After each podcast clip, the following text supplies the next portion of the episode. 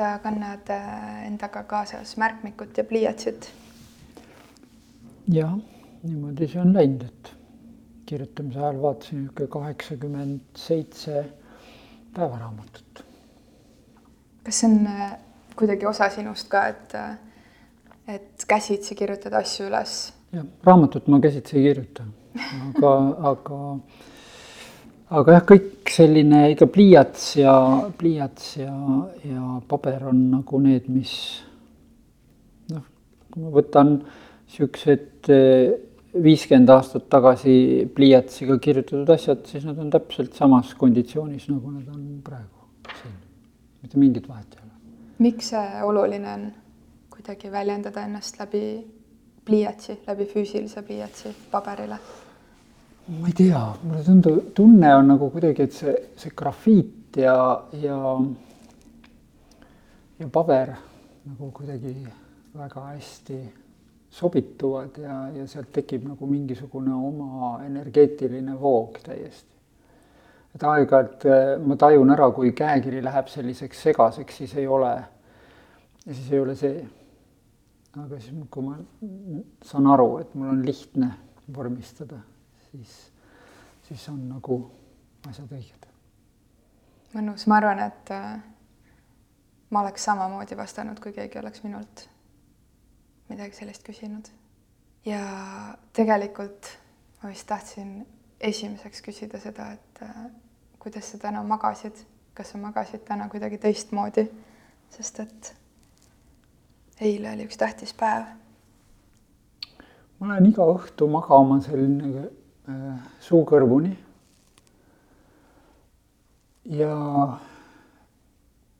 kuidagi nagu kõik selle päeva teemad lasen korraks läbi silme eest. aga see on nagu hästi selline, see on lühem kui minut. ma jooksutan selle filmi läbi. ja siis ma panen selle kõik kõrvale ja siis, siis ma magan nagu laps ma ei ärka öösiti enamasti, aga kui ärkan, siis on see nagu täielik äh, kaif, et ma vaatan korraks, mul on üks niisugune helendav kella sihverplaat. ja siis ma näen, palju mul veel on magada jäänud ja siis ma õndsalt magan edasi.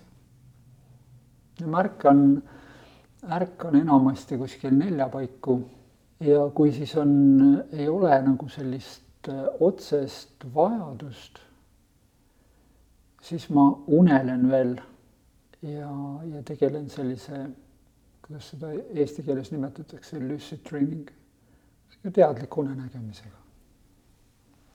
tegelikult sa tead, miks ma küsisin seda just eilse kohta, me jõuame selleni, me ei hakka sinna kiirustama. kui äh, ma inimestega kohtun, siis ma ei taha liiga palju lugeda juurde. et mida keegi on just parasjagu kirjutanud või kuidas vastanud või, või kes on temaga intervjuu teinud või, või on ta just käinud kuskil mujal raadiosaates või, või, või midagi kuidagi endast välja antud, et mulle meeldib väga kohtuda nii, nagu me oleme selles hetkes. ja, ja see annab kuidagi meile kõigile võimaluse olla uus. kes sina oled täna, kes see mees on, kes siit uksest sisse astus? ma usun, et ma olen üks niisugune uudishimulik eh, tegelane,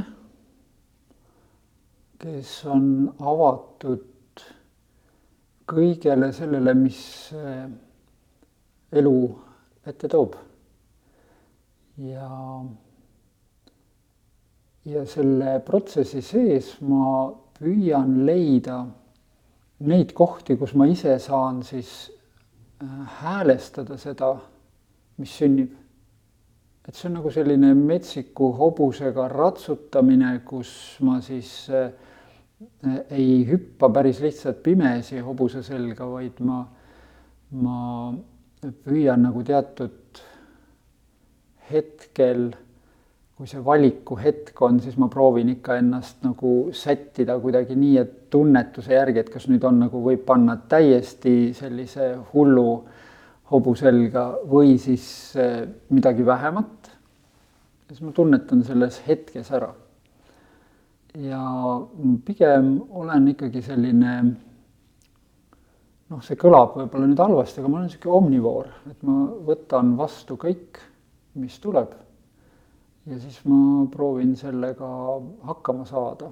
ja siis ma ikkagi natuke elukogemust omades ma siis juba mingil hetkel aiman ette, et kas nüüd see läheb väga peruks kätte ära ja siis ma jälle kasutan neid äh, elu käest õpitud, elu jooksul õpitud oskusi, et võib-olla seda perutamist vältida või teinekord jälle vastupidi, et et, et seda eskaleerida.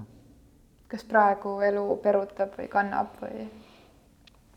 Ta on kuidagi tavapäratult eh, kiireks läinud, et hästi niisugune individuaalne minut on muutunud ääretult lühikeseks. mis seda põhjustab? no sündmus, see on niisugune individuaalne minut on, eks ju ajaühik kahe sündmuse vahel. sündmusi tuleb lihtsalt nii palju järjest. nüüd eh, eks ta on see, mis on nagu varem külvatud, eks see praegu sügis on niisugune lõikamise aeg ja see, mis sai varem külvatud, siis nüüd kõik äh, aeg-ajalt nagu vaata nagu ootamatult äh, viljakas on olnud, et noh, muidu on ikka niisugune külviprotsent tulevad arvestada, eks ju, et noh, pooled tulevad, on asjad hästi. täna on kuidagi niimoodi, et, et see üheksakümmend protsenti on nagu selline külvipotentsiaal, et on re-, realiseerunud. et see natukene üllatab mind. ilus. jah, aga ootamatu. kui äh, me esimest korda põgusalt äh, kohtusime Hiiumaal, siis äh, mulle tundus, et meis on üks asi võib-olla rohkem, aga, aga üks, mida ma märkasin sarnane koht ja see on mingi selline, ma nimetaks seda selliseks sillakohaks, kuidagi sild maailmade vahel või, või sild võimalikkuste vahel. ja ühte asja ma tegin äh, küll paar päeva tagasi, et ma vaatasin su kodulehte, ma ei olnud sinna varem osanud, soovinud, valinud sattuda ja, ja see esimene tunne, kui ma sealt lugesin su tegemiste kohta või, või nii, nagu sa oled ise ennast sõnastanud, siis mul tekkis seesama motiivsild. ja praegu ka, kui sa kuidagi vastasid küsimusele, et, et kes sa täna oled, siis jälle see sild tuli mulle esimesena kuidagi pähe või kõrvu. kas see mõte kõnetab sind? sild on enamasti kahe kalda vahel. ja ja see kõnetab mind. et ma olen elu jooksul õppinud seda, et, et kõigil veekogudel on kaldad. ja jõe puhul ta võib jääda hoomamatuks juhul, kui sa ei tunne mõlemat kallast. mis tähendab seda, et sa tegelikult, et kui sa tahad hoomata, sa pead aru saama, see on parem kallas, see on vasak kallas. sa pead nende mõlemaga olema kokkupuutes. Nad on vastandid ehk siis terviku lahutamatud osad. ja kuidagi on läinud mu elus niimoodi, et, et ma olen elanud väga vastandlikku elu. ehk et ma olen nii paremad kui vasakud kaldad korralikult läbi rännanud ja, ja saanud aru, et et need jõed vajavadki sildu. Et nende eri kallaste peal inimesed saaksid sinna tulla sinna teisele kaldale või vähemasti sinna keset jõge ja saada aru, et, et elu teisel kaldal on ka võimalik ja, ja mõista seda, et mis see teise kalda elu olemus tegelikult on. ja selles mõttes ma püüdes inimesi aidata erinevate vaatenurkade juurde, olen paratamatult ehitanud neid sildasid ja ehitan kogu aeg. vastus on jah. mäletad sa kuidagi ennast alati sellisena olnud või kuidagi, et kui sa mõtled väikse iseenda peale, et see väike poiss, kes sa kunagi olid. et kas temas oli ka see kvaliteet kuidagi olemas või üleval või on mingisugune konkreetne sündmus või moment, kus käis mingi klõks ja siis järsku kõik muutus? ma olen, alati olnud see, kes eh, tahab olla kangesti kõigiga sõber. ja, ja mingisugusel ajajärgul on see olnud eh, lihtne, siis kusagil on see kujunenud selliseks armastuse ärateenimiseks siis korralikult laiali lagunenud ja siis uuesti need tükid jälle kokku pandud teadlikult sel moel, et ta enam ei ole nagu armastuse ärateenimine, vaid et ta ongi teenimine. või armastus? ja ta ongi armastus, armastus ongi teenimine. jah. ma salaja hästi natukene sain piiluda su raamatusse enne kui, kui sa täna sellega siia tulid. ja need, kes meid kuulavad, et see küsimus, et kuidas sa täna magasid, kas sa magasid kuidagi teistmoodi, oligi tegelikult äh, ju johtuvalt sellest, et, et ma saan aru, eile tuli, tuli ta ahjust välja ja jõudis, jõudis nii-öelda sulle kätte. ja isegi teadmata et, et sa raamatut kirjutad ja et see nüüd sel sügisel ilmub, siis olid sa mul juba kirjas, nimekirjas, kellega ma sooviksin sellel hooajal kindlasti vestelda, nii et seda enam on põhjust kuidagi tähistada, et, et on veel nimelt üks väike, üks väike beebi sündinud, kes siis saab hakata oma elu elama raamatu näol. nii et kui ma nüüd küsin uuesti selle küsimuse, et et kuidas sa täna magasid selles valguses, et eile jõudis sinu kätte sinu enda kirjutatud raamat, siis mis tunne see on või, või kui oluline see sinu jaoks on? unerahu see ei häirinud mitte kuidagi. ja võib-olla see jah, see raamat on nagu lapsuke. aga kui raamat sünnib, ta ei ole enam, ta ei ole beebi. et see, see tegelik sünd toimub selle kirjutamise käigus. ja nüüd see, see kõik need sellised kriisid, hambumus, puberteet, ja, ja, ja täiskasvamine, need toimuvad selle raamatu, raamatuks kujunemise käigus. ja minu jaoks on see täiesti täiskasvanud äh, tegelane. ja, ja eile me lihtsalt, äh, see oli, see oli nagu mingi selline, ma ei tea, ma kohtusin oma üliõpilasest lapsega, kes ütles, et äh, nüüd on nii, et äh, ma nüüd lähen edasi sellist teed mööda. ja ma olin õnnelik, ta on nagu täiesti selgelt väga ilusas vormis. mulle küll ei meeldi, ma, ma ei kujutanud üldse ette, et ma vahin oma nägu kuskil kaane peal. aga noh, ütleme nii, et ma ei ole, mina ei ole turundaja. ma ei tea sellest suurt midagi ja, ja ma usaldan neid inimesi, kes, kes siis ikkagi ütlesid, et, et see, et mind väga vähe tunnevad ja ma peaksin kaane peal oma näoga olema, noh, jumala pärast. ehk siis minu näoga lapsuke ja, ja ta on täiesti iseseisev ja ta elab nüüd täiesti oma elu. ja ma olen õnnelik muidugi, mul on hea meel, et ta on nüüd äh, välja tulnud ja ma olen südamest tänulik nendele väga ägedatele inimestele, kes äh, minu unistuse materialiseerisid. alates Jesperist, kes selle idee välja pani ja, ja siis kõik need kallid hinged, kes, kes toimetas ja kes kujundas ja kes luges selle veel sirgeks ja kes tegi pildid sisse ja kes pani, vaatas üle kõik need äh, viited, väga äge. see on nagu tõeline meeskonnatöö. ükskõiksus, ühestumine. kuidas nii või miks nii? kust see pealkiri tuli? alguses oli see pealkiri haritud, küsimärk.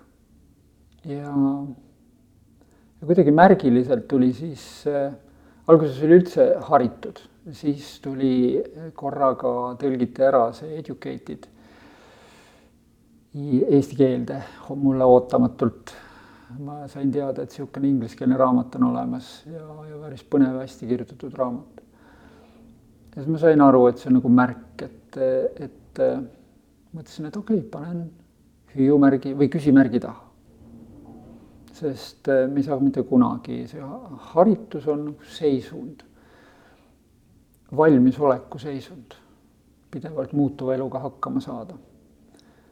aga kuna me mitte kunagi ei jõua sinna lõplikku valmisolekusse, siis järelikult see on elukestev ja noh, siis ongi nagu see küsimärk sobib sinna, et kuidas on, mis tunne on, oled haritud piisavalt.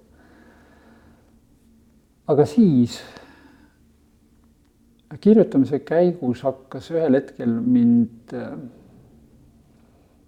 tuli nagu selline mõiste nagu ükskõiksus, mis on ilmselt tuttav kõigile neile, kes on meie sellise tavapärase haridussüsteemi läbi käinud. ühel hetkel saad aru, et et kedagi väga ei huvita see, mida sa teed, kuidas sa teed, tähtis, et norm oleks täidetud. Ja, ja, ja see on nagu selline valdav ükskõiksus. ja kuna ma ikka päris tihedalt suhtlen õpilastega ja õpetajatega ja lapsevanematega, et siis see kuidagi seda ükskõiksust tuli ja tuli ja tuli ja siis ma ühel hetkel seda mõtestades tuli mulle meelde, kuidas mu vanem tütar tuli esimeses klassis koju. Nad on kõik õppinud Waldorf koolis, mul kõik kolm last.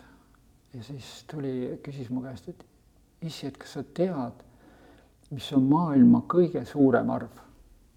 ja noh, haritud issi pakkus välja õigemini ma ei jõudnud veel pakkuda, äh, aga ma tahtsin Google'it välja pakkuda, mõtlesin, ma ei hakka talle Google Plexist rääkima, et Google, lapsuke, aga lapsuke jõudis ette, ütles, et issi, see on üks. siis oli mul nagu niisugune korraks nagu täielik vaikus sees, mõtlesin, et ohoh, mis siis nüüd juhtus, ma sain aru, et midagi väga-väga tähtsat praegu sündis. ja ja siis äh, Eva-Maria ütles, et äh, sest äh, kõik on üks. ütlesin, et vau, vot see on matemaatika. siis ma sain teada, et kui sa tahad saada kahte, siis on kõige tähtsam jagada. Et sa oskaksid jagada. sest siis sa teed selle terviku pooleks ja siis mu laps andis mulle pool õuna ja ütles, et näed, nüüd on meil kummalgi pool õuna, nüüd on kaks. aga ainult koos on nad õun, terve. ja, ja sealt eh, tuli tohutu vooga igasugused sellised seosed, kõik vastandid, nende ühtsus, elu, mis sünnib nende vastandite vahelisest pingest ja see selgus ikkagi, eelkõige see selgus, et et äh, see ei ole mingi abstraktne, ma ei tea, mitme nulli kohaga mingisugune number, vaid see on üks, kõik on üks. kas see on universum või see on multiversum, vahet ei ole, see suurim on üks. me oleme kõik fraktaalsed osad. Ja see selgus oli see, mis, mis mind tollel hetkel kõnetas ja, ja millest on saanud tänaseks minu maailmavaade. Küll ebateadlikult seda või alateadlikult seda järginud, aga tänu, tänu nüüd selle raamatu kirjutamise protsessile, mis oli väga-väga teraapiline ja ja, ja selgust loov, ääretult hariv, sain ma, sain ma siis selle lõpuks kokku kirjutatud. ma arvan, et see on väga, väga hea nimi sellele raamatule, kui üldse ongi mõtet seda öelda.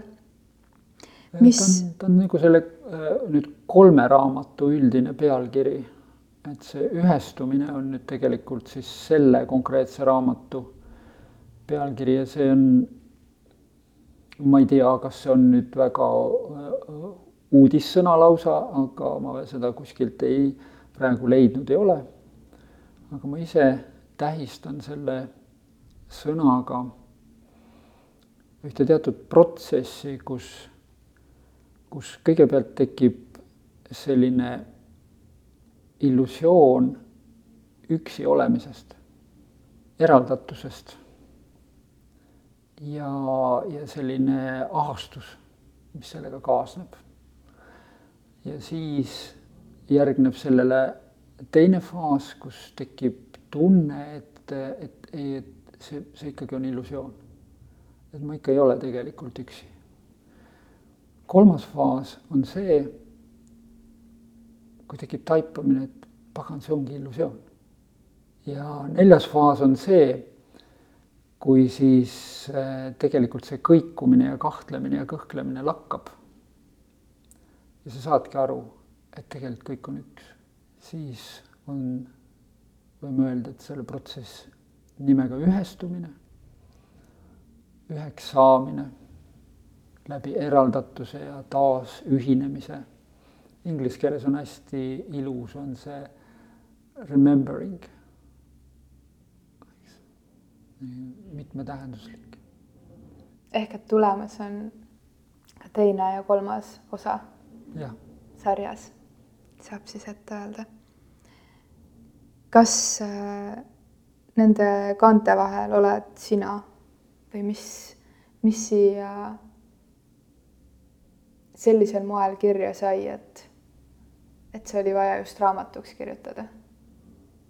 võib-olla kõige olulisem on öelda, et ma ei, ma ei arva, et mu isik on nii tähtis, et sellest peaks raamatu kirjutama. aga raamatu kirjutamine oli minu lapsepõlve unistus. ja ma usun, et iga inimene peaks oma unistused teoks tegema ma lihtsalt olin unustanud selle ära. ja, ja Jesper tuletas mulle selle meelde. selle raamatu vahel, selle esimese raamatu puhul on, on väga oluline see kultuuri kontekst. et ma proovin kirjeldada hästi lihtsate vahenditega teatud ajastuid mis on siis nagu kultuurilaamad omavahel kas siis põrkunud või, või üle sõitnud üksteisest, üheks saanud. ehk ma kirjeldan nagu ajalooliselt teatud äh, jada, siis kuskohast mina jah, oma siis äh, isikuga siis äh, olen pidevas sellises kokkupuutes ja siis ma kirjeldan nagu just seda, mida ma tundsin, mida ma kogesin. ja ma proovin olla, proovisin olla ja, ja ma usun, et mul õnnestus selles raamatus teatud mõttes kirjeldaja, vaatleja. Ma kirjutasin alguses eh, esimese hooga raamatus mitmeid eh, peatükke nagu sellises üldjoontes valmis, noh nii et, et neid siis hakata lihvima. Ja siis otsustasin ma ikkagi võtta oma päevikud, päevaraamatud ja, ja, ja hakata nendega, vaadata neid sirvida ja, ja, ja tunnetada, et mis siis, mida ma siis seal nagu tegelikult, tegelikult mõtlesin. mis ajast sa neid päevaraamatuid pead? no kui ma olin spordipoiss, siis mul olid treeningpäevikud ja, ja kui ma olin täiesti poisiklutt, siis mul olid lugemispäevikud ja siis sealt edasi on nagu olnudki niisugused äh, päevaraamatud siis. ja kirjandid. ja nüüd päevaraamatuid lugedes ma sain aru, et, et see, mida ma olen kirja saanud, on täielik jama. Et ma, see on nagu soovmõtlemisest kantud. et ma arvan, et ma mõtlesin siis niimoodi, sest nüüd, kui ma võtsin, eks ju, lahti konkreetse kuupäeva pealt, vaatasin konkreetsed sündmused ja vaatasin, mis ma olin kirja pannud siis ma sain aru, mida ma tegelikult tundsin. et see kõik lõhnad ja kõik asjad tulid meelde. ja see muutis kardinaalselt minu vaadet. Ehk ma olen väga ausalt pannud sinna kirja seda, mida ma tõeliselt mõtlesin tollel hetkel, et et kuna see raamat puudutab päris palju minu ja ema suhet, siis, siis äh, ma lähen täna või homme viin emale raamatu ja, ja natukene süda väriseb sees, et et võib-olla nendes esimestes peatükkides on tal päris raske lugeda seda mm.. aga kuskilt maalt alates enam kindlasti mitte. Ehk ma olen proovinud hoida autentse eh, iseenda kulgemise ja, ja vaadelnud seda siis eh, tolle ajastu kultuuri kontekstis ehk et mõtestada seda, et kuidas ma tegelikult kujunesin selleks, kes ma, kes ma siis täna olen. kas võib olla ka nõnda, et, et sa pole raamatut varem kirjutanud, sest et sa pole valmis või sa pole julenud seda võib-olla just sellel põhjusel teha, et, et su ema seda loeb? ausalt öeldes ma olen ju ühe raamatu ennem kirjutanud. kas sellisel moel? ei see oli nüüd ühest täiesti teisest äh, hoovusest kantud ja, ja see oli, see oli kahe tuhande kolmandal aastal ma kirjutasin sportlase käsiraamatu. Ja see, see raamat nüüd paraku sellel, sellest ma kirjutan raamatus ka äh, põgusalt sissejuhatuses. Äh, see oli üks niisugune väga põnev egotripp mis ma usun, et leiab oma sellise hea lahenduse võib-olla aastal kaks tuhat kakskümmend kolm või kaks tuhat kakskümmend neli.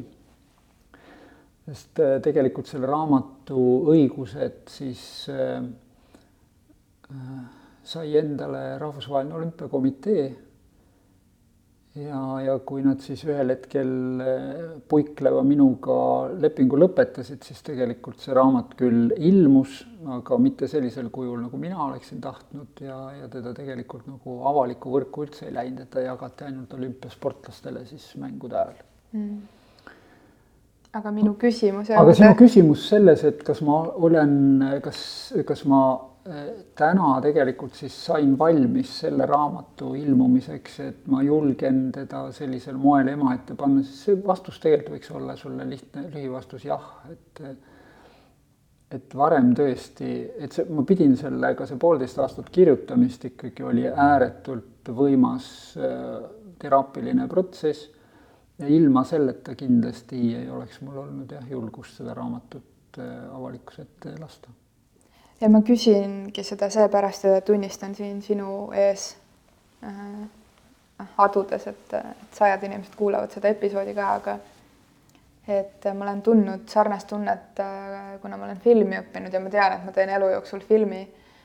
ja, ja miks ma ei ole seda veel teinud, on kindlasti see, et, et see režissöör minus kogub seda materjali läbi oma kogemuste aga ma arvan, et üks põhjus on kindlasti see, et äh, ma ei ole kindel, kas ma, kas ma julgeksin, et mu ema näeks seda filmi. nii et äh, kuidagi sellest tuli see küsimus sulle raamatu kohta.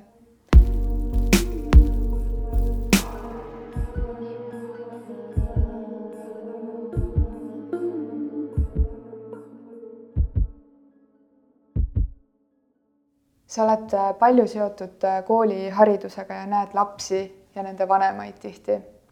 mis värk sellega on, et sellise üldise skeemi järgi maailma üldiste kokkulepete põhjal või? kaheksateist aastat me elame justkui koos oma vanematega, kes proovivad meile selgeks teha, kuidas on õige elada ja siis ülejäänud elu me proovime seda kaheksateist aasta jooksul õpitut maha raputada, et saada iseendaks. mis värk sellega on? miks nii on? No need teadmised kukuvad nagu suht kiiresti maha, eks ju, mis sealt kaheksateistkümneni kogutud on. kogemused jäävad, see kasvatus on see, mis tegelikult eh, edasi vaevab ja, ja haavab. mulle tundub, et kui tahta nagu hästi lihtsustatult seda seletada, siis me oleme, me oleme minetanud arusaama kasvatusest. õpetus ja õppimine, selle kaudu me omandame teadmisi. õppimise aluseks on tekst. aga kasvatuse kaudu seal toimub, toimib eeskuju ja, ja seal on küsimus just nimelt selle, selle pildi ja teksti kokkuminekus. kui seda ei ole, siis äh,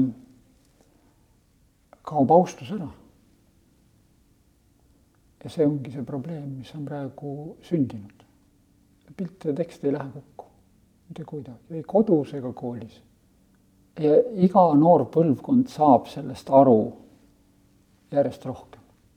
aga sellega on see mure, et kui nad, kui nad, nad saavad aru, aga nad saavad ka aru, et see, see väärtustasand, kus väärtuste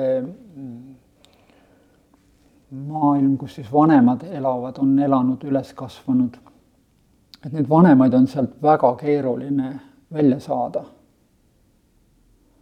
ja kui nad siis püüavad neid vanemaid ja õpetajaid ja veenda, et see konkurents ja, ja saamahimu ja, ja teiste arvelt olemine ja elamine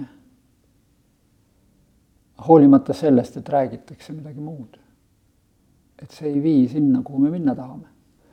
Kui nad näevad, et see ei kanna vilja, et need vanemad ei, ei õpi sellest, siis nad teevad paremuselt teise valiku, eks.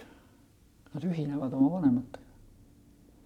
aga selle vahega, et eh, nemad ei varja mitte midagi. Nad teevad seda kõike avalikult kui nad on hullud, siis nad panevad hullu täiega avalikult, kui nad on saamahimulised, siis täiesti avalikult ütlevadki, et, et ja korjangi kõik kokku sult ja, ja lollide käest peabki raha ära võtma ja nii edasi. ja siis nad eh, teevad seda kõike avalikult ja noh, siis on vanemal põlvkonnal jälle hea põhjus öelda, et noorem põlvkond on hukas. kui äh, sa mõtled selle peale, et äh, millisest perest sa tuled või oma suhetele ema-isaga. ja nüüd ise, olles lapsevanem, nüüd juba, juba tükk aega, sest et, sest et äh, su lapsed on juba täitsa iseseisvad suured inimesed, siis kui palju sa oled märganud neid mustreid, mida sa oled korranud või, või siis murdnud, milline see teekond lapsevanemana on olnud? küsin sellepärast, et ise olla parem lapsevanem ja saada nõu läbi sinu kogemuse? meie lapsed ongi meie kõige vingemad õpetajad. ja mina võingi täiesti käsi südamel, ma võin öelda, et, et need arusaamised, just nimelt see selline pedagoogikast ja kasvatusest ikkagi on täiesti puhas praktika. sa võid lugeda igasuguseid põnevaid raamatuid aga siis, kui sa ühel hetkel oled ise äh, puberteediga vastakuti, siis sa saad aru, et, et tore, et keegi kirjutas kunagi midagi kuskil. et, et see päris elu on midagi sellist, mille, mille puhul noh, ka praktika on tõe kriteerium. minul ei olnud isa äh, kõrval poisina kümne, kui ma olin kümme, ema ja isa lahutasid ja see oli üks suurimaid katastroofe minu, minu lapsepõlves üldse. ja, ja sealt edasi läks kakskümmend viis aastat, ennem kui ma oma isaga uuesti kokku sain. Õnneks eh, oli tal siis veel paar aastat elada ja, ja me saime sellised isa-poja jutud ja ära räägitud kõik ja meist said väga head sõbrad ja, ja see, see lõpp oli väga ilus. aga tugi, isa tugi jäi mul puudu. ja, ja nüüd, kui ma ise lapsevanemana vaatasin ennast, siis ma aeg-ajalt oli täielik ahastus, ma sain aru, et ma ei oska olla, ma ei tea, kuidas hea isa käitub ma lihtsalt ei oska. ja, ja kõik selline teoreetiline õpetus oli minu jaoks jälle niisugune, et noh, ma ei, ma ei, ma tundsin, et see ei ole nagu noh, et see, see pole mina. ma ei oska, ma ei oska seda järgida. see on kuidagi kunstlik. Ja siis ma mingil hetkel lihtsalt, no sihuke ilmekas näide näiteks, kui mu poeg neljateistaastasena ühel hetkel siis ütles mulle, et kuule, et isa, kas midagi on hästi ka? et sa kogu aeg ainult vingud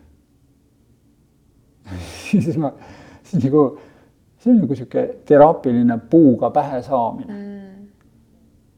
ma lendasin nagu rakett tagasi nelikümmend aastat sinna aega, kus mina olin neliteist. Kuidas ma, kuidas ma, kuidas ma läksin kodust ära, ma jooksin kodust minema, sisuliselt põgenesin ema juurest. ja ma mõtlesin seda eh, toona, et kui mul oleks isa, kes ütleb, et poiss, kõik saab korda, et ära muretse. ja nüüd ma olin ise poja kõrval iga päev ja ta ütleb mulle, et tal ei ole minust abi, öeldes, et sa ainult vingud. Peegeldades ausalt mulle, eks ju, seda. see oli ka kõva mats.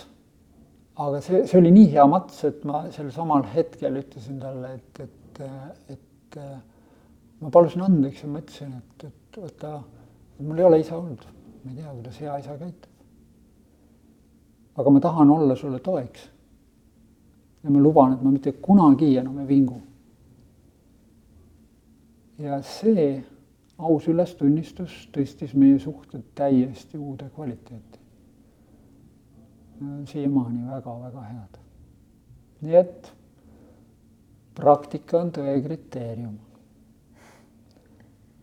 ja loomulikult, kui on, eks ju, selline väga hea kogemus, ega kõigil ei ole sellist äh, kehva kogemust lapsepõlvest nagu minul, eks et eh, enamusel inimestest on ikkagi ju väga olulisi asju kaasa võtta ja kui mina, kui mina täna mõtlen tagasi oma lapsepõlve konteksti, siis minu vanaema ja vanaisa andsid mulle ikka kapaga kõike seda, mida mul ema ja isa käest toona puudu jäi.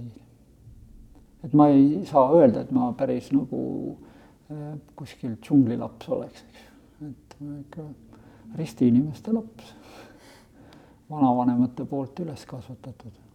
mis on veel kuidagi lapsevanemana mingid sellised, ma ei tea, verstapost on naljakas sõna, aga mingid momendid, mingid ahaad, loomulikult neid mahub päeva juba palju, aga et, et kui täna siin paar minutit sa oled mulle mentori rollis, siis mida, mida öelda kaasa ühele teisele lapsevanemale, mis sest, et väiksema staažiga, aga mm -hmm mis, mis, mis on need miskid, mida meelde tuletada, mida silmas pidada, mida märgata, mingi essents mm.?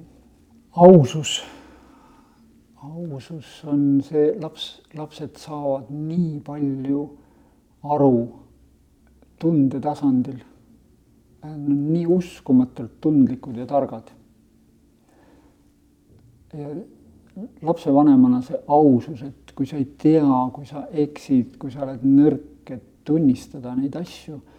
aga seal on nagu hästi oluline, et, et ei pane seda koormat lapsele selga. arusaamine sellest, eks ju, et mis on eakohane.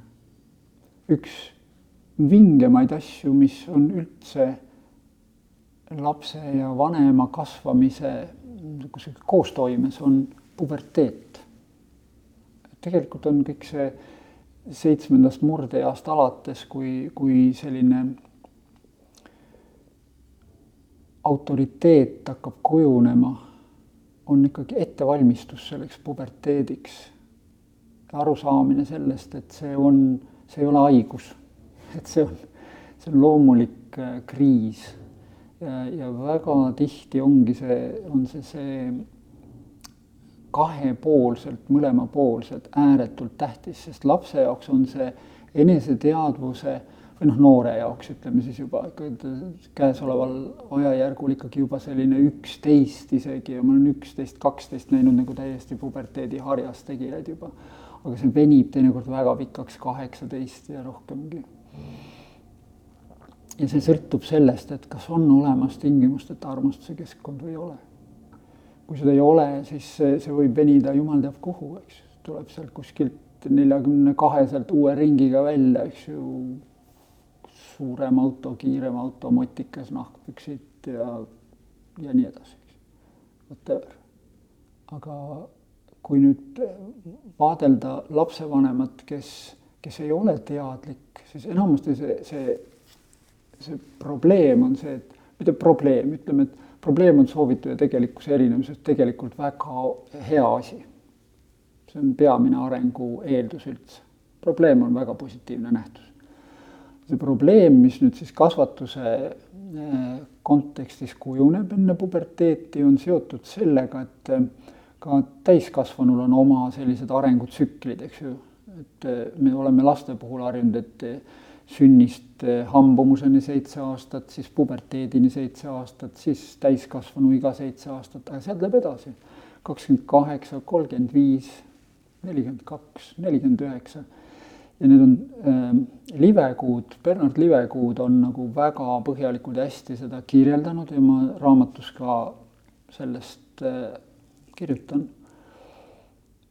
ja kui nüüd enamasti seal kusagil kahekümnendate teises pooles on täna on nagu esmasünnitused nihkunud sinna täiesti selgelt nagu teisele poole kahekümne, kahtekümmend viit, eks. ja nüüd, kui, kui siis see selline, see kakskümmend kaheksa kuni kolmkümmend viis on selline nagu kindlustamise, kindluse ehitamise järk et siis nagu pro-, püüaks, lapsevanemad püüavad siis ehitada seda kindlust kõike hoogsasti üles, eks. Ja, ja noh, kindlustavad oma sellist koduelu ja, ja, ja sõpruskond, sõbrad muutuvad, sõpru jääb vähemaks, perele keskendutakse, muudkui proovitakse seda nagu teha nii kindlaks ja turvaliseks kui võimalik. ja siis ühel hetkel prõmmitakse selle ukse peal, eks ju, selle kindlusukse peal. ja seda ei tehta väljastpoolt. selle uksed lüüakse eest minema nii lihtsalt sellepärast, et see tuleb seest, omade keskelt, eks ju, see piisikene armas lapsukene muutub ühel hetkel põrguliseks. ja see on nii ootamatu tavaliselt siis, et lapsevanemad on täielikus šokis ja mida kõrgemaks ja kindlamaks on see kindlus ehitatud, seda suurema pauguga see kindlustuse uks minema lendab. Ma olen aastate jooksul päris palju olnud äh, abiliseks vanematele, kes tulevad ja, ja on tõeliselt hädas, et, et enam ei tea, mis nüüd, mida siis nüüd peale hakata. ja siis me otsime, et kuhu siis see tingimusteta armastus kinni on jäänud. ja siis tekib see arusaamine sellest, et tegelikult see tingimusteta selle armastuse epiteedina on täiesti mõttetu. sest armastus ongi tingimusteta. Muidu on ta kaubandus. mina sulle, sina mulle. ja see arusaamine on täiskasvanud inimestele teinekord nii uskumatu mõjuga. selline rahumeelsus, vabaduse andmine, hoolimine kõik see ilma, et sa paneksid mingit joonlauda sinna külge või kaalu või stopperit, eks. et see tundub mingil hetkel tohutu avastus. aga see on tohutu avastus sellepärast, et eh, me ei õpeta seda koolis, kus me peaks seda tegema. kui täna kurdetakse, et, et kool ei tee mitte või kodu ei tee mitte midagi, et kõik oodatakse et õpetaja teeks, siis see on paratamatu tagajärg.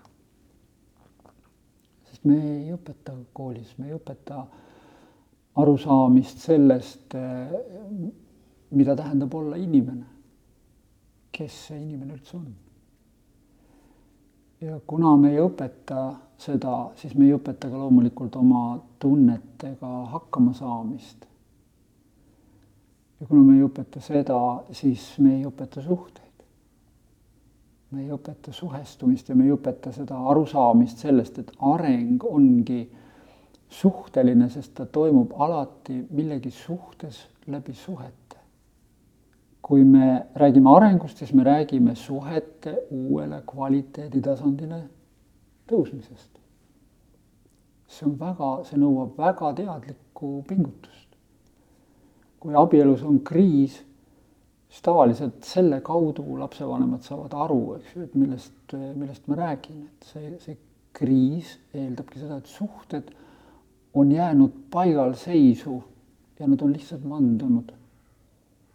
enam ei ole vaja pingutada, eks ju, et seda suhet kuidagi noh, ütleme, et nagu ollakse jõudnud sinnamaani, et kõik on ju paigas.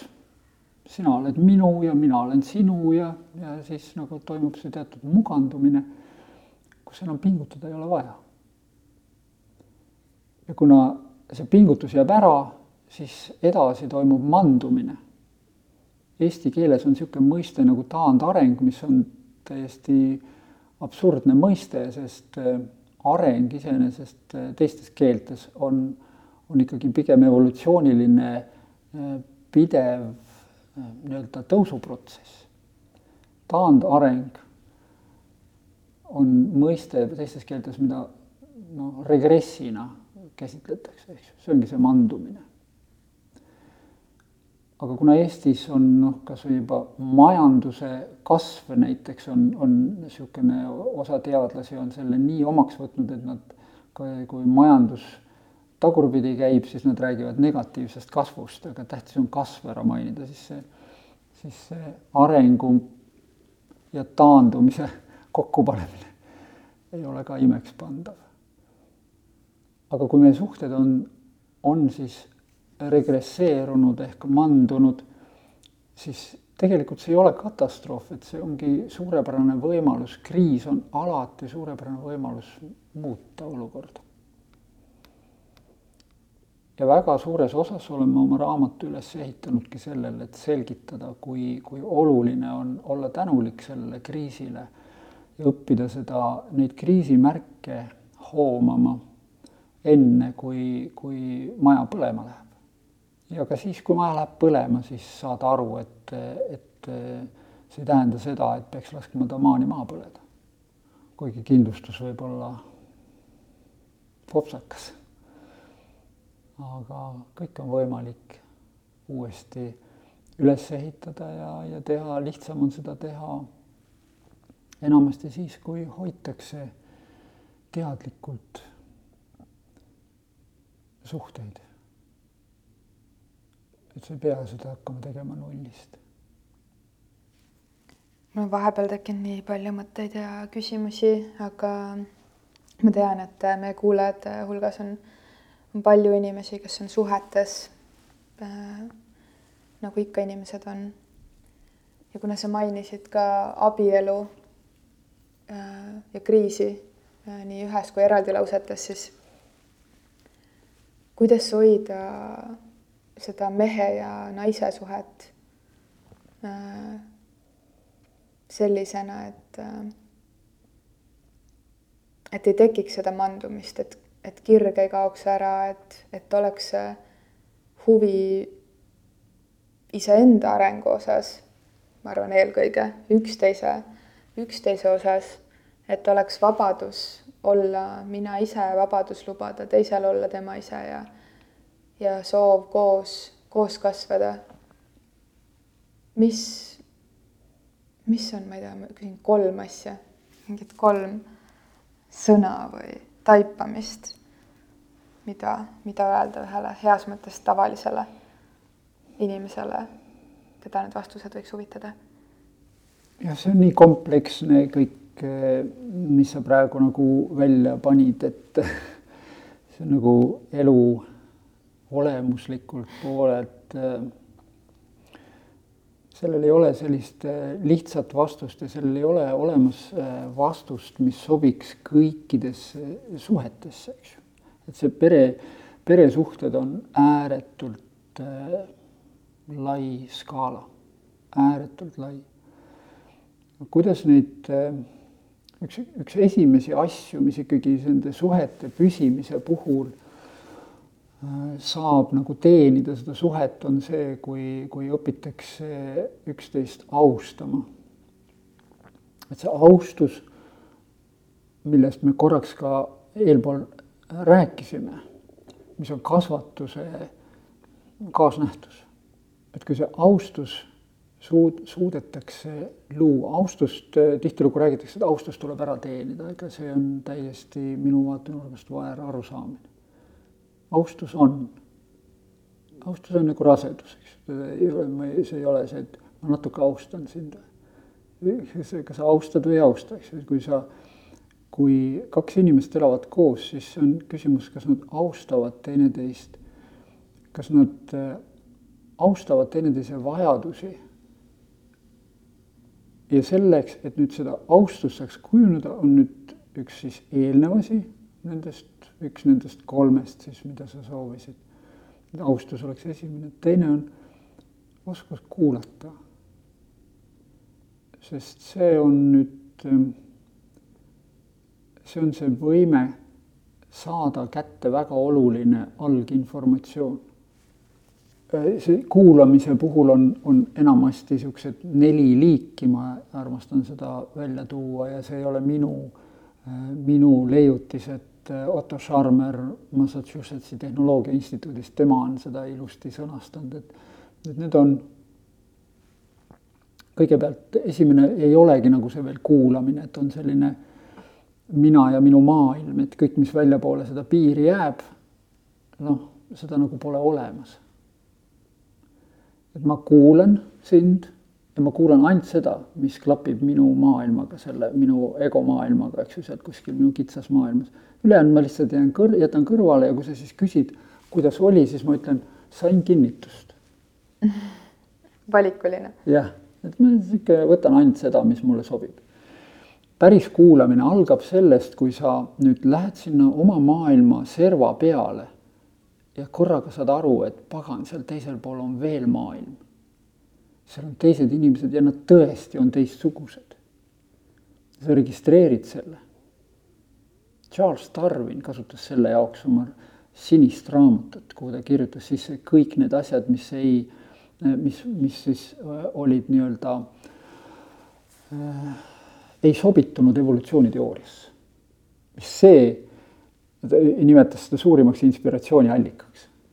et see on nüüd esimene tegelik kuulamine, eks ju, avatud meeltega ma näen ja kuulen ka seda, mis tegelikult äh, jääb väljapoole minu sellist äh, hoomatavast.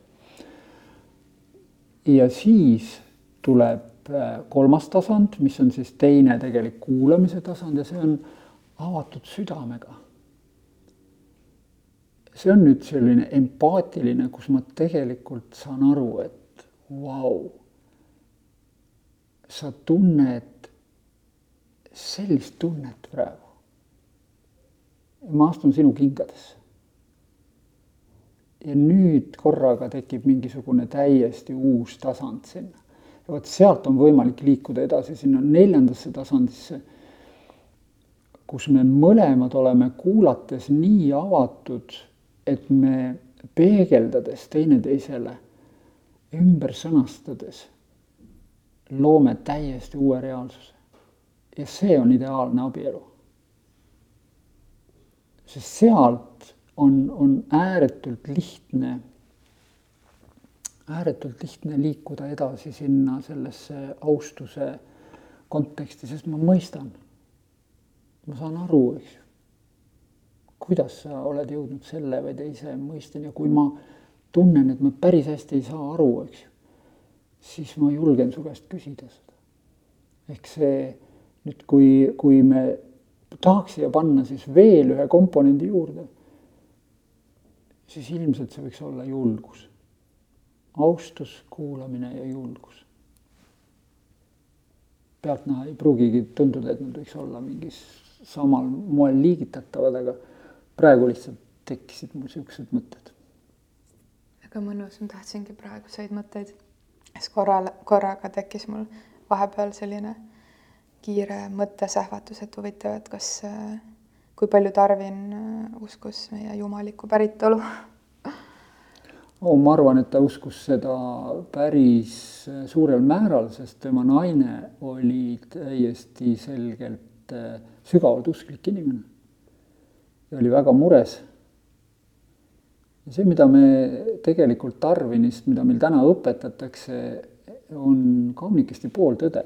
et kui lugeda ikkagi Tarvini nagu raamatuid, äh, mitte siis väljavõtteid või kellegi arvamusi Tarvili raamatust, vaid võtta siis äh, Origin of Species kätte ja lugeda teda reaalselt, siis sealt avaneb ikka päris, päris teistsugune mees. Nii on vist kahjuks kuidagi kõigega nii piibli kui, kui ajalooõpikutega, nii et. Äh, tõlgendusi, me elame tõlgenduste maailmas ja ajastul. ja praegu käib ka väga-väga suur ümber, ümbertõlgendamine. see on vist alati käinud. sihuke selle kohta öeldaksegi, et võitjad kirjutavad ajaloo mis kuidagi juba tekitab mõtte, et, et kui keegi, keegi soovib elada võitluses, siis äh, see tundub selline mitte avatud südamega valitud elu. nojah, väga ei kujuta ette, et keegi avatud südamega võitlusesse kihutaks. sest äh, enamasti ikkagi avatud süda eeldab mõistmist ja mõistmine eeldab ikkagi pigem sellist võimekust äh, mitte vastanduda. ja kui sa ei vastandu, eks ju, siis see Newtoni kolmas seadus, mis on kogu suhte alusseadus tegelikult, universaalne alus äh, või suhtlemise alusseadus, mis ütleb, et igale jõule on vastujõud, sama suur vastasmärgiline. Kui sina hakkad suruma, siis surutakse vastu. ja see on ka mingi selline mõte, mis, mida ma olen alati mõelnud kuidagi meesenergia ja naisenergia. Et, et need poolused on meis mõlemas olemas, aga, aga et kui täna on ka läbi käinud kuidagi suhtedünaamikad ja pere ja, ja nii-öelda vanemlussuhted ja, ja mehe-naise suhted põgusalt, siis et vägivalla mõttes või et, et mehed ei taha kunagi naistega sõdida. et mehed, kui tahavad, siis nad tahavad ikka meestega sõdida, et oleks selline nagu noh, niisugune mehine võitlus. ja siis ma kuidagi olen märganud, et kui me naistena läheme nii-öelda meesenergiasse, siis on palju rohkem seda mingit põrkumist suhetes, ükskõik kas, kas partnerluses või, või kuskil mujal meeste ja naiste vahel mistõttu nüüd juba läheb siit lappama neid, neid radu, kus täna vestlusega minna on palju, aga et poliitikas samamoodi, kui, kui ma näen, et põgusalt, kui ma millalgi silma peal hoian ja märkan, et, et mõnda naist, naispoliitikut justkui kiusatakse või tembeldatakse avalikult, siis enamasti suur üldistus, aga on, on see naine nagu väga meesenergias, et, et keegi üldse hakkaks, hakkaks plõksima mm,. aga see on juba täitsa eraldi teema, kõnetab see mõte sind üldse? Ja ikka kõnetab, see on ju suhte kontekst ja, ja mina julgen siin oma elukogemusest mentorina välja öelda ikkagi seda, et, et mida külvad, seda lõikad. Ma ei ole näinud ühtegi tegelikku sisulist ohvrit, et ohvri roll on enamasti see, mis võetakse endale selga siis, kui see on sobilik. siis, kui see sobib selle oma arusaamaga, et enamasti need ohvri, ohvrina kehastuvad inimesed eh, on siis kas alateadlikult või, või siis vähem alateadlikult ikkagi ennast sinna sellesse rolli paigutanud ja, ja tihtilugu teevad ikka tõsiseid pingutusi, et siis see ohver ikka täie rauaga olla. Et eh, see, et, et lihtsalt eh, keegi võetakse ja kaltsutatakse kusagil ära, jah, kui tervikpilti mitte vaadata, siis võib tõesti tunduda nii, et see on umbes sama, ma raamatus toon ka niisuguse näite, eks ju, et, et isegi jumalik õpetaja, et see, ta ei pea olema inimene, ta võib olla raamat, ta võib olla mingi loodusnähtus, ta võib olla mida vaid. ja, ja ilmekas näide, me kuulsime Ameerikas, eks ju, kuidas, kas see oli Illinoisis või ma ei mäleta enam, kus kohas oli, kui olid need tohutud uputused. Ja, ja ma sattusin siis, üks tuttav saatis mulle, Ameerika sõber saatis, saatis nagu lingi ja küsis mu käest, et mis, mida ma sellisest äh, asjast arvan ja, ja tema nagu pigem mõtles seda, et, et see on nagu looduse, looduse võitlus inimesega. ja ma vastasin talle, et ei, et eh, loodus ei võitle inimesega. loodusel on omad rütmid ja seadused.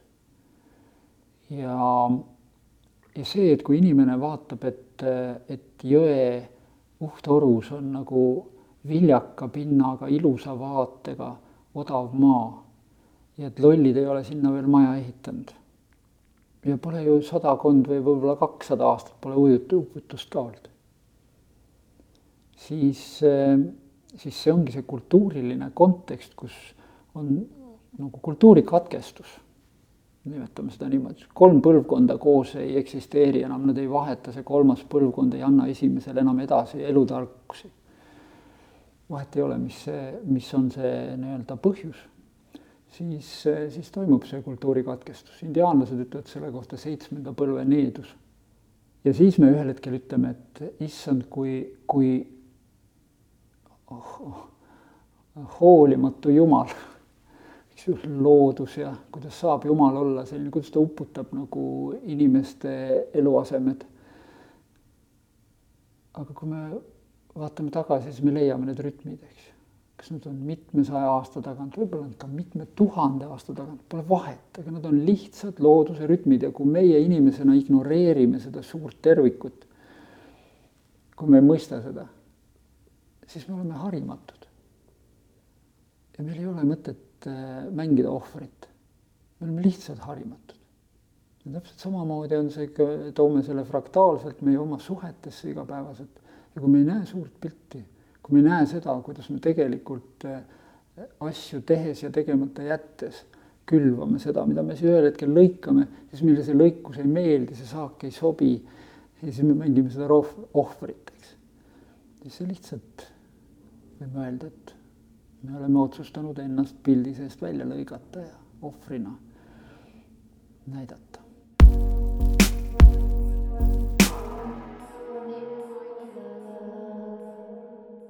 Sa nüüd ise esimest korda meie vestluse jooksul kasutasid sõna mentor, mis on vist ka üks sõna, mida ma sinu nime kuuldes tihtipeale ühes lauses kuulen. ja, ja kui ma su kodulehelt äh, vaatasin, mis oli nii tore, mõjus mulle kuidagi nagu mingi niisuguse mõnusa mänguna ka. sul on seal selline ribamenüüst selline koht nagu faktid siis ma nii mõnusalt lugesin neid läbi, lootsin, et äkki keegi pärast teeb äh, viktoriini ja siis ma saan proovida vastata. aga nii huvitav oli lugeda neid fakte ja ja nüüd tagasi tulles sealt, kus me peaaegu siis alustasime oma vestlust, et siin vaikselt äh, selle formaadi sees kokku tõmmata, et see sõna sild siis maailmade vahel näiteks.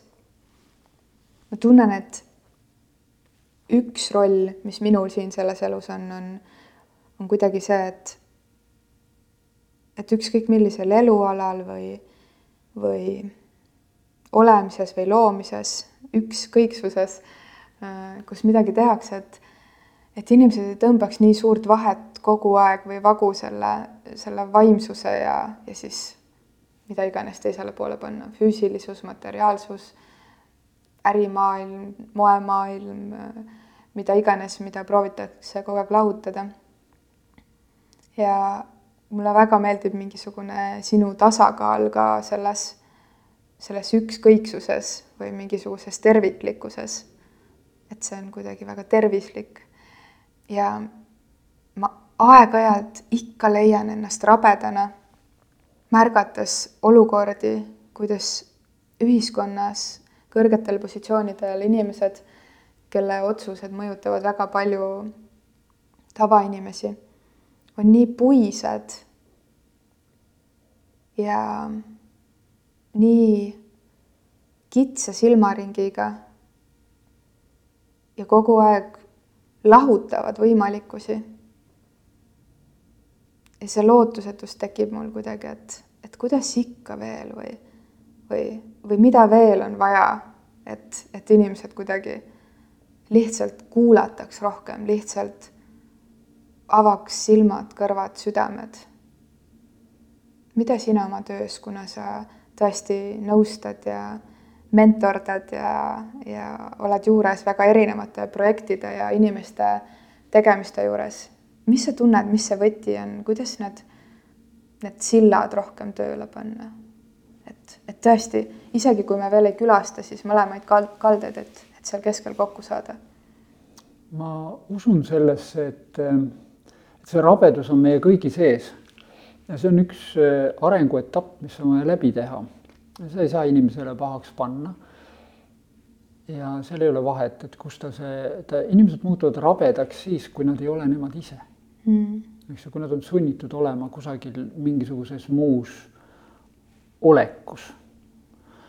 ja, ja see tavaliselt sünnib siis, kui, kui on normaliseeritud teatud ebaloomulikkus norm on, eks ju, see, mis, mis siis noh, kuulutatakse, millest lähtudes kuulutatakse teatud asjad normaalseks.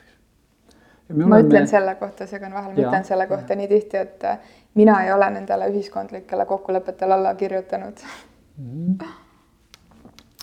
Ja, ja kui, kui me nüüd äh, aktsepteerime seda, et tegelikult äh, on normist erinevus, ehk see teine kallas on nagu täiesti arvestatav võimalus olla ja elada, siis me tegelikult kaotame selle õige olemise või vale olemise, pigem siis vale olemise, valeks tembeldamise hirmu. elu on võimalik mõlemal kaldal, hea ja halb, valge ja must õige ja vale, need on kõik on vajalikud, nad on osad tervikust. meil kõigil, absoluutselt kõigil on koht olemas. ja see on, see koht muutub, sellepärast et elu ainuke kindel ja muutumatu osa on see, et kõik muutub. küsimus on meie harituses, et kas me selle muutumise sees oleme valmis selleks muutuseks. selle jaoks me peame mõistma seda tervikut paremini ja kui me ütleme, et see elu kui selline on tervik, siis meil on vaja seda defineerida, me peame oskama seda teha, seda võiks õpetada koolis, eks võiks õpetada koolis, et eh, väljapool sentimeetri, grammi ja, ja sekundiga mõõdetavat on tegelikult need asjad, mida ei ole mõõdetavad. kaasa arvatud seesama armastus, eks ju. aga ta on olemas. ja ta mõjutab meie elu erakordselt võimsalt jätame talle selle koha, jätame talle selle õiguse. anname talle võimaluse olla üks kallas. ja, ja õpime kasutama sildu selleks, et, et nende kahe kalda vahel käia ja, ja vaatenurk ju muutub, kui sa lähed ühelt kaldalt teisele kaldale, eks ju, kui sa lähed välismaale vaatad oma kodumaad tagasi, eks ma mäletan seda, kui ma kunagi äh, tulin esimest korda Moskvast tagasi ja vaatasin, et issand, kui armas on see väike Tallinna linn. vaatenurgast sõltub kõik, vaatenurk määrab ära meie reaalsuse. ja kui me nüüd eh, nende eri kallaste vahel inimesed õpivad eh, silda mööda käima, siis nad õpivad hindama eh, ümber seda, mida nad on näinud ja mida nad arvavad sealt eh, on väga suur võimalus, et ei teki sellist kivistunud eh, õige ja vale eh, jaotamist enam. või kui siis jagatakse õigeks ja valeks, siis tehakse seda eesmärgi kontekstis. ehk siis õige aitab saavutada eesmärki, vale takistab. ja nüüd hakkavad määrama väärtused. sest, sest ühel hetkel võib selguda, et see, mida sa pidasid õigeks ja see aitas sul eesmärki saavutada, siis korraga sa saad aru, et, et see enam ei teeni sind. ja nüüd mõtled, sa vaatad selle asja ringi ja sellest hetkest alates on see vale. see on idamaine õpetus ütleb, et see, mis on hommikul õige, võib õhtul olla vale. ja nii ongi, sest kõik on pidevalt muutuses. ja meie asi on seda aktsepteerida, sest see on terviku olemuse mõistmisel ääretult tähtis ja see on see, mis võtab selle võitlemise vajaduse maha. see on see, mis toob meile kõigepealt meelterahu ja siis hingerahu. õigus armastada. jah. aitäh sulle. võta heaks. millest sa täna unistad? ma unistan sellest, et ma saan rahumeelselt ja hingerahus liikuda oma järgmise raamatuga edasi. ja, ja samas siis ka nüüd teha teoks veel üks unistus ehk, ehk siis oma sõpradele, kes eesti keelt ei valda, ka see raamat ja järgmised raamatud võimalikuks teha. ma soovin siis meie unistustele täitumisi, kui nii on mõeldud ja ja et me oskame, et me oskaksime ruumi teha uutele unistustele, kui, kui need on täidetud. ja raamatule mõnusat lendu. mul on hea meel, et, et täna on just nii. suur tänu, suur tänu sulle selle väga hea seisundiga ruumi eest, mis sa siia loonud oled siin on mõnus, võtan tänusõnad vastu. kohtumisteni, ükskõik kus, juba ootan